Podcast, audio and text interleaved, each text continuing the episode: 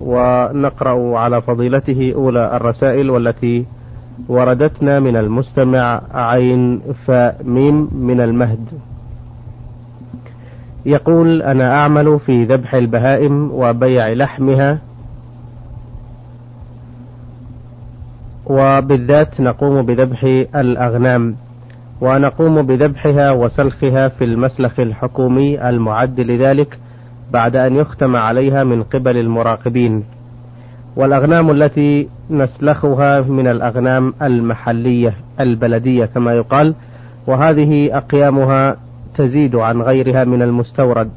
ولكنني أقوم بذبح بعض الأغنام المستوردة كالتي ترد من استراليا أو تركيا مثلا خفية وخارج المسلخ وأقوم ببيعها ضمن تلك التي هي من البلد.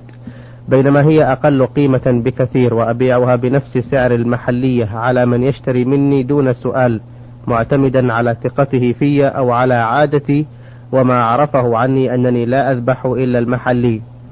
أما من يسألني فإنني أخبره بالصحيح. فما حكم عملي هذا؟ وما حكم المال الذي كسبته بهذه الطريقة؟ بسم الله الرحمن الرحيم. الحمد لله رب العالمين وأصلي وأسلم على نبينا محمد وعلى آله وأصحابه أجمعين. تضمن هذا السؤال شيئين. الشيء الأول أن هذا الرجل كان يذبح خارج خارج المسلخ المعد للذبح فيه خفية. وهذا العمل محرم إذا كانت الدولة قد أصدرت نظاما بمنعه. لأن فيه مخالفة لولاة الأمور في غير معصية الله ومخالفة ولاة الأمور في غير معصية الله محرمة. لقوله تعالى يا أيها الذين آمنوا أطيعوا الله وأطيعوا الرسول وأولي الأمر منكم. ولقول النبي صلى الله عليه وسلم اسمع وأطع. ولأن النبي ولأن الصحابة رضي الله عنهم بايعوا رسول الله صلى الله عليه وسلم على السمع والطاعة فيما أحبوا وكرهوا. وعلى هذا فعليه أن يتوب إلى الله من هذا العمل ويرجع إليه ويقلع عن فعله هذا. نعم. أما الشيء الثاني الذي اشتمل عليه هذا السؤال فهو إدخاله هذا اللحم مع اللحوم البلدية التي هي أرغب عند الناس وأحب إليهم وهذا من الغش لأنه يجعل هذا اللحم في صفاف اللحم الجيد وهو دونه رغبة ودونه شهية عند الناس. فيكون من الغش. وقد ثبت عن النبي صلى الله عليه وسلم أنه قال من غش فليس مني. فعليه أيضا أن يتوب من معاملة الناس بالغش وأن تكون معاملته للناس صريحة بينة. وقد ثبت عن النبي صلى الله عليه وسلم أنه قال البيعان بالخيار فإن صدقا وبينا بورك لهما في بيعهما وإن كذبا وكتما محقت بركة بيعهما. أما ما اكتسبه من هذا المال المحرم فالذي أرى أن يتصدق بما يزيد على قيمة اللحم الذي أدخله في اللحوم الجيدة يتصدق به تائبا إلى الله متخلصا منه لا متقربا به إلى الله تعالى. لأن هذه الزيادة جاءت نتيجة لفعل محرم. وما كان نتيجة لفعل محرم فإن تحقيق التوبة منه أن يتبرأ منه ويبتعد عنه. ونرجو من الله تعالى أن يتوب عليه. وأن يهدينا جميعا للنصح والبيان. بارك الله فيكم. آه هذه الرسالة لمستمع من ليبيا لم يذكر اسمه يقول هو شاب يبلغ من العمر تسعا وعشرين سنة وهذا الشاب أرسل إليه أهله أنهم قد خطبوا له فتاة يعرفها. وعندما وصله الخبر قال هي علي كظهر أمي وهي مطلقة بالثلاث لأنه لا يريدها. وعندما حضر إلى أهله وجدهم لم يخطبوا له الفتاة ولكن مجرد اقتراح. ولكن هذا الشاب في نهاية الأمر اقتنع بهذه الفتاة وأراد أن يخطبها فهو يسأل ما هو الحكم فيما صدر منه وهل عليه كفارة في الظهار أم لا؟ وما هو حكم الطلاق بالثلاث الذي قاله علما بأنه عندما قال هاتين الكلمتين لم آه، يعقد أو لم يعقد له على الفتاة وإنما كان مجرد رأي من أهله. قبل الجواب على هذا السؤال أنصح هذا الأخ من هذا التسرع وهذا الحمق. فإن كونه يظاهر منها ويطلقها ثلاثا قبل أن يعقد له. وبمجرد أن يخبر أنها مخطوبة له يعتبر من التسرع والحمق بمكان. والإنسان العاقل الحازم هو الذي يملك نفسه ولا يتصرف إلا تصرفا يحمد عاقبته. وكم من إنسان غلبه الطيش والغضب فتصرف تصرفا يندم له فيما بعد. أما ما أوقعه من ظهار أو طلاق على هذه المرأة التي لم يعقد له عليها فإنه ليس بشيء لأن الطلاق لا يقع إلا بعد عقد لقوله تعالى يا أيها الذين آمنوا إذا نكحتم المؤمنات ثم طلقتموهن من قبل أن تمسوهن. ولأن الطلاق لمن أخذ بالساق وهو لم يأخذ بساقها حتى الآن ولم يعقد له عليها. ولأن الطلاق حل قيد النكاح وما دام لم يتزوج فليس هناك قيد يحله. أما بالنسبة للظهار فقد قال الله تعالى والذين يظاهرون من نسائهم. فأضاف النساء فأضاف الظهار إلى نسائهم. وما دامت المرأة لم يعقد له عليها فليست من نسائهم. فلا يلحقها ظهاره. ولكن إذا كان هذا الرجل نوى بالظهار الامتناع من من من جماعها. فإنه يخرج كفارة يمين إذا فقد له عليها وجمعها. أحوط وأبرأ لذمته. أما الظهار فلا يلزمه. لأنها ليست من نسائه كما سبق. نعم. نعم. يعني فقط تلزمه كفارة يمين. كفارة يمين ما دام حلف أن لا يجامعها. نعم. إذا كانت نيته ذلك. نعم. وهي كفارة اليمين؟ كفارة اليمين عتق رقبة أو إطعام عشرة مساكين أو كسوتهم. فإن لم يجد فصيام ثلاثة أيام متتابعة. نعم, نعم. آه هذه الرسالة من المستمعة خالدة شكر الجوادي من العراق نينوى. تقول إنها امرأة متزوجة منذ تسع سنين وقد كانت متزوجة من رجل وأنجبت منه طفلا. وقد حصل بينهما طلاق بسبب سوء سلوكه الديني فهو مدمن على شرب الخمر تارك للصلاة مستهين بالقرآن وأهله. وبعد طلاقها تزوجت من رجل آخر وبقي طفلها مع أبيه ولم تستطع البعد عن طفلها فلم يدم زواجها الثاني كثيرا بل طلقها الآخر تقديرا لظروفها. وما أن سمع زوجها الأول بذلك حتى أخذ يتردد على دارهم بطفله ويعرض لهم رغبته في استردادها. وكان أهلها يمانعون من عودتها لما يعلمون من سوء سلوكه ولكن والدها اشترط عليه أن يقلع عن شرب الخمر وأن يستقيم في كل أمور دينه ووعده بذلك وهي أيضا وافقت طمعا في بقائها بجانب طفلها. وفعلا أعادت إليه ولكن ولكن طبائعه لم تتغير بل ازداد سوءا وأصبح يجمع من حوله قرناءه ويناديهم في منزله يمارسون كل أنواع الشر والفسوق من شرب ورقص وغير ذلك حتى مع نسائهم.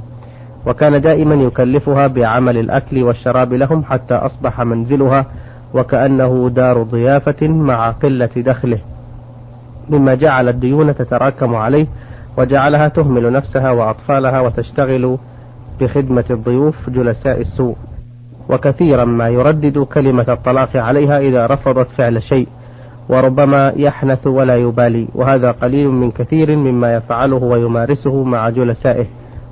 فما هي نصيحتكم لي مع هذا الرجل أن أفعله؟ أولا نبدأ بنصيحة هذا الرجل. نعم. فنحذره من هذه المعاصي العظيمة بل من الكفر لأنه بتركه الصلاة صار مرتدا كافرا. لا تحل له زوجته حتى يتوب إلى الله عز وجل ويقوم بالصلاة.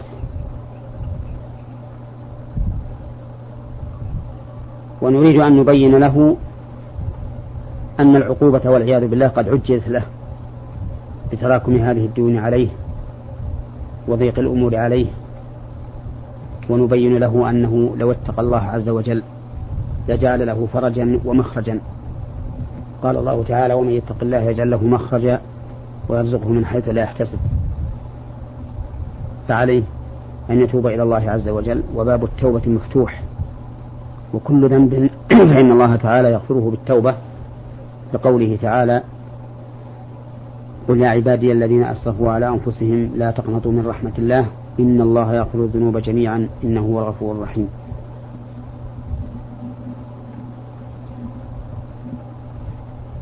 أما بالنسبة لهذه الزوجة فإن والدها أخطأ في تزويجها إياه بمجرد أن وعده بأنه سيتوب وليس من حقه أن يزوجها إياه حتى يعلم توبته باستقامته. ولهذا وعدهم فأخلفهم ولم يف بالوعد. وكم من الوعود التي ما طلبها بها أصحابها وخالفوها. إذا لم يكن عندهم تقوى تقوى لله عز وجل. والحل لهذه المشكلة التي وقعت الآن أن يفرق بينه وبين هذه الزوجة لأنها لا تحل له ما دام تاركا للصلاة. وأما أولادها فليس له عليهم حضانة لأن من شرط الحضانة أن يكون الحاضن أمينا على محظونه ومن كانت هذه حاله فإنه ليس بأمين عليه. فلا يحل أن يبقى أولاده عنده بل الواجب أن يكونوا عند أمهم تقوم برعايتهم وصيانتهم وما يلزم لهم. نعم. جزاكم الله خيرا. آه هذا السؤال من المستمع ميم عين ميم سوداني مقيم بجدة. يقول توفيت والدتي وعمري لا يتجاوز سبعة أشهر فتولت جدتي أمر تربيتي وإرضاعي. علما أن آخر مولود لها عمره سبع سنوات ولم يكن آنذاك بها لبن. ولكن مع استمرار الرضاع توفر بها اللبن وأرضعتني إلى أن كبرت. وبعد بلوغي أردت الزواج بإحدى بنات خالتي التي هي بنت لهذه الجدة التي أرضعتني. وقد سألت عن ذلك فأجبت بالجواز وفعلا تزوجتها منذ ثلاث سنوات. ولكني أشك في صحة هذا الزواج فما الحكم فيه وماذا يجب علي إن لم يكن صحيحا؟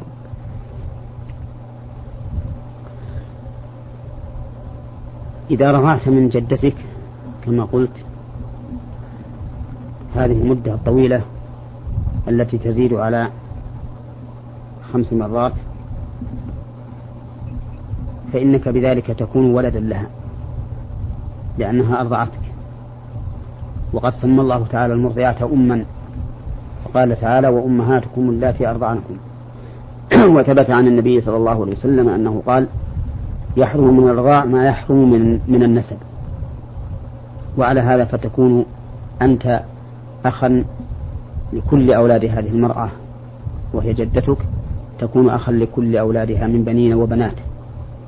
نعم. وإذا كان كذلك فإن خالات خالتك تكون أختا لك وتكون بناتها بنات بنات أختك.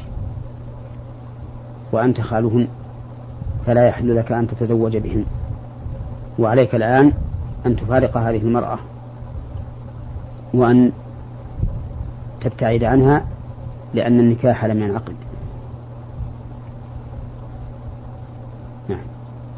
آه، كون الجدة كبيرة في السن وقد انقطع لبنها فترة هذا لا يؤثر؟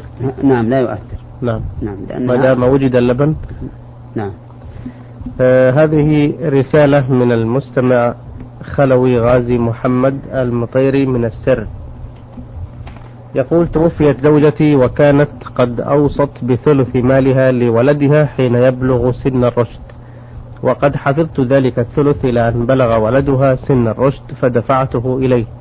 ولكنه سيء التصرف فيه ولا يعمل لتنميته وزيادته بل يصرف منه حتى يتناقص ودون عمل لزيادته. فأنا أسأل أولا هل مثل هذه الوصية صحيحة أم لا؟ وهل أترك ولدها يتصرف كيف يشاء في هذا الثلث أم أسترده منه حتى أعلم منه حسن التصرف؟ أفيدوني جزاكم الله خيرا. هذه الوصية صحيحة ولكنها قالت في وصيتها إنه يكون بيدك حتى يبلغ ابنها سن الرشد. ومعنى بلوغ سنها بلوغ ابنها سن الرشد؟ أن يكون رشيدا.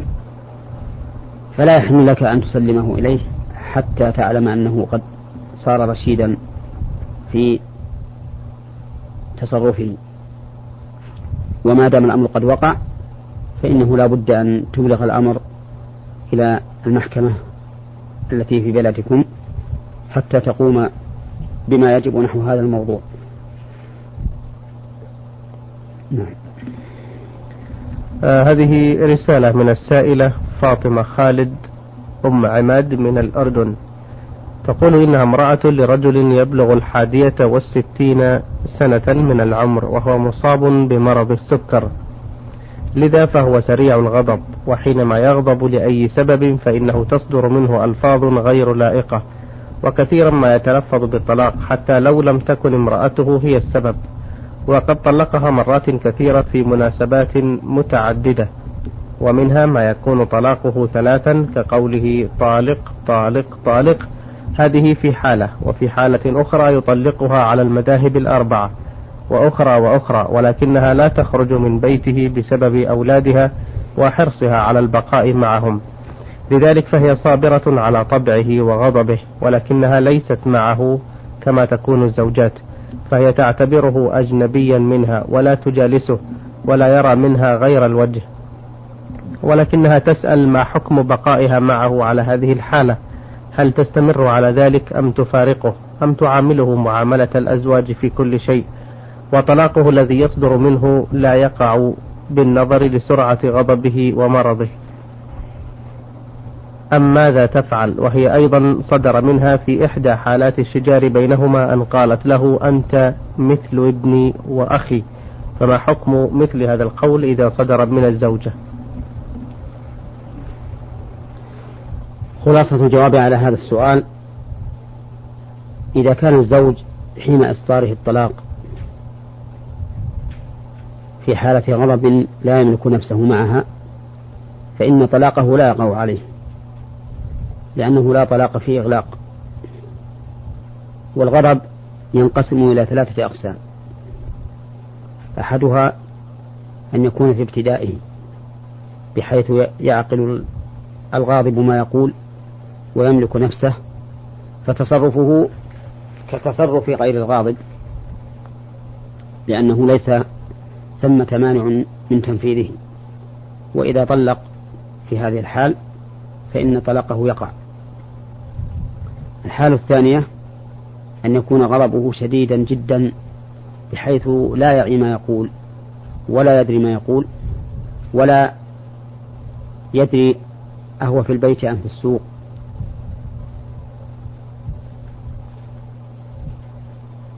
في حال يكون كالمغمى عليه فهذا لا يقع طلاقه بلا ريب وذلك لأنه ليس له فكر وليس له عقل بما يقول حينئذ.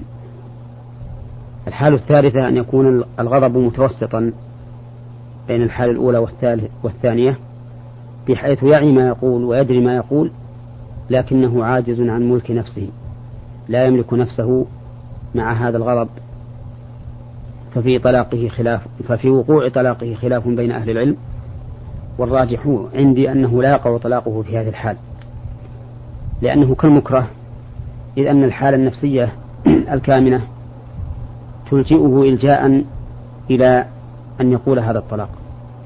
ولا سيما أن زوجها كما ذكرت كان معه مرض نفسي.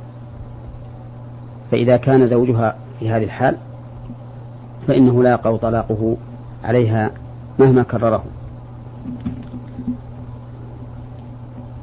نعم. وأما بالنسبة لما قالته هي له في بعض خصوماتها إنه كابنها فإن هذا ليس ليس بظهار والمرأة ليست من أهل الظهار. فلو قالت لزوجها أنت علي كظهر أبي أو كظهر ابني أو كظهر أخي فليس هذا بظهار. ولا يلزمها فيه كفارة ظهار أيضا لأن كفارة الظهار إنما تلزم من يقع منه الظهار وهو الزوج. وأما هي فلا يلزمها كفارة الظهار إذا قالت ذلك لزوجها. ولكن عليها كفارة يمين. وهي عتق رقبة أو إطعام عشرة مساكين أو كسوتهم فإن لم تجد ما تطعم. أو وجدت لكن لم تجد مساكين فإنها تصوم ثلاثة أيام متتابعة. وها هنا مسألة وردت في سؤالها. نعم. وهي أنها ذكرت أن زوجها يقول أنت طالق طالق طالق. وهذا التكرار على هذا الوجه أعني تكرار الخبر دون الجملة كلها لا يقع به الثلاث حتى على المشهور من مذهب الإمام أحمد إلا أن ينوي الثلاث بذلك. فإن لم ينوي الثلاث فإنه لا يقع إلا واحدة.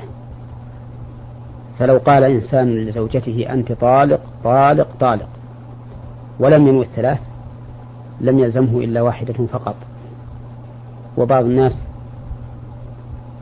قد يجهل حكم هذه المسألة ويظن أن المذهب وقوع الطلاق الثلاث في هذه العبارة ولم يتبين له الفرق بين تكرار الجملة كلها وتكرار الخبر وحده.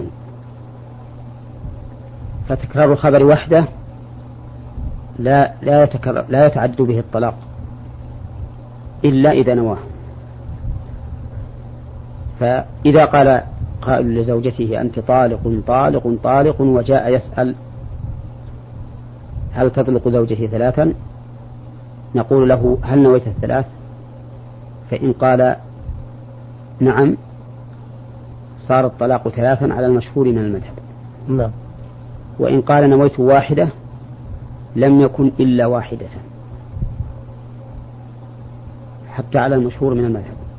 وإن قال لم أنوي شيئا إنما أطلقت هذا التكرار وليس عندي تلك الساعة نية. قلنا له أيضا لا يقع عليك إلا واحدة حتى على المشهور من المذهب. أما على القول الراجح الذي نراه فإنه لا يقع الطلاق الثلاث ولو كرر الجملة كلها. حتى لو قال أنت طالق أنت طالق أنت طالق.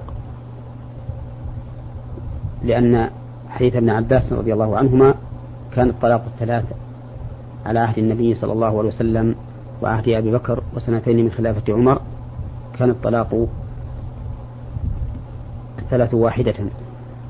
فلما تتايع الناس فيه ألزمهم عمر وقال أرى الناس قد تتايعوا في أمر كانت لهم فيه, فيه أنات فلو أمضيناه عليهم فأمضاه عليهم. وهذا هو اختيار شيخ الإسلام ابن تيمية رحمه الله بأن تكرار الطلاق أو تكرار الطلاق باللفظ لا يقع متعددا إلا إذا كان بعد رجعة أو نكاح جديد. نعم. إذا ماذا نقول لهذه الزوجة؟ نقول لها أن تعاشر زوجها ك... بشكل إيه، عادي. نقول لها شيئا لم يصدر؟ نعم. نقول لها أن تعاشر زوجها بشكل عادي إذا كانت حاله إذا كانت حاله كما ذكرنا. نعم. يعني في حال غضب لا يستطيع أن يملك نفسه فيها.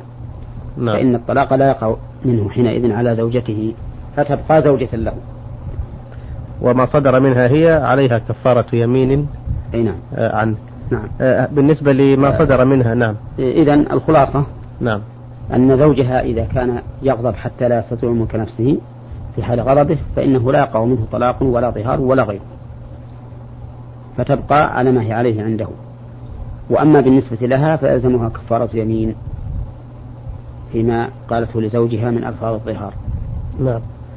ثم إنه وقع في سؤالها أنها قالت إنني لا أكشف له سوى وجهي. وظاهر هذا أنها تكشف له وجهها في حال تعتقد أنها قد بانت منه وأنها ليست زوجة ولكني أقول لها ولمن يسمع إن كشف الوجه محرم إلا للرجال المحارم. فمن ليس بمحرم لها فليس لها أن تكشف له وجهها. إنه يحرم عليها أن تكشف له وجهه. لأن الوجه من أعظم ما يكون سببا للفتنة من جسم المرأة. فهو أعظم فتنة من الرجل التي قال من قال بجواز كشف الوجه إنه يجب عليها أن تستر رجلها وأن تكشف وجهها. ويجوز لها أن تكشف وجهها. فيقال أي فتنة أعظم أن يرى الإنسان قدم امرأة أو أن يرى, أن يرى وجهها؟ نعم. ولا ريب عند كل عاقل له نظر في النساء أن فتنة الإنسان بالوجه أعظم بكثير من فتنة الرجل. ولعل الله أن ييسر لنا موقفا آخر نتكلم فيه عن هذه المسألة المهمة العظيمة. التي بدأ بعض الناس يتهاون بها في هذه البلاد التي كانت تتمسك بها تمسكا يقتضيه الدين وترتضيه الأخلاق. والله موفق. جزاكم الله خيرا. آه، أيها الإخوة الكرام في حلقتنا اليوم آه، أجبنا عن أسئلة الإخوة عين فاء من المهد والأخ السائل من ليبيا لم يوضح اسمه. والأخت خالدة شكر الجوادي من العراق نينوى والأخ ميم عين ميم سوداني مقيم بجدة والأخ خلوي غازي محمد المطيري من السر والأخت فاطمة خالد أم عماد من الأردن. أعزائنا الكرام أجاب عن أسئلة هؤلاء الإخوة الشيخ محمد بن صالح العثيمين المدرس بكلية الشريعة بجامعة الإمام محمد بن سعود الإسلامية بالقصيم وإمام وخطيب المسجد الجامع الكبير بعنيزة. فشكرا له على إجابته وشكرا لكم على حسن المتابعة وإلى اللقاء والسلام عليكم ورحمة الله وبركاته. نور على الدرب. برنامج يومي يجيب فيه أصحاب الفضيلة العلماء على أسئلة المستمعين الدينية والاجتماعية. البرنامج من تقديم وتنفيذ أحمد عبد العزيز الغامدي.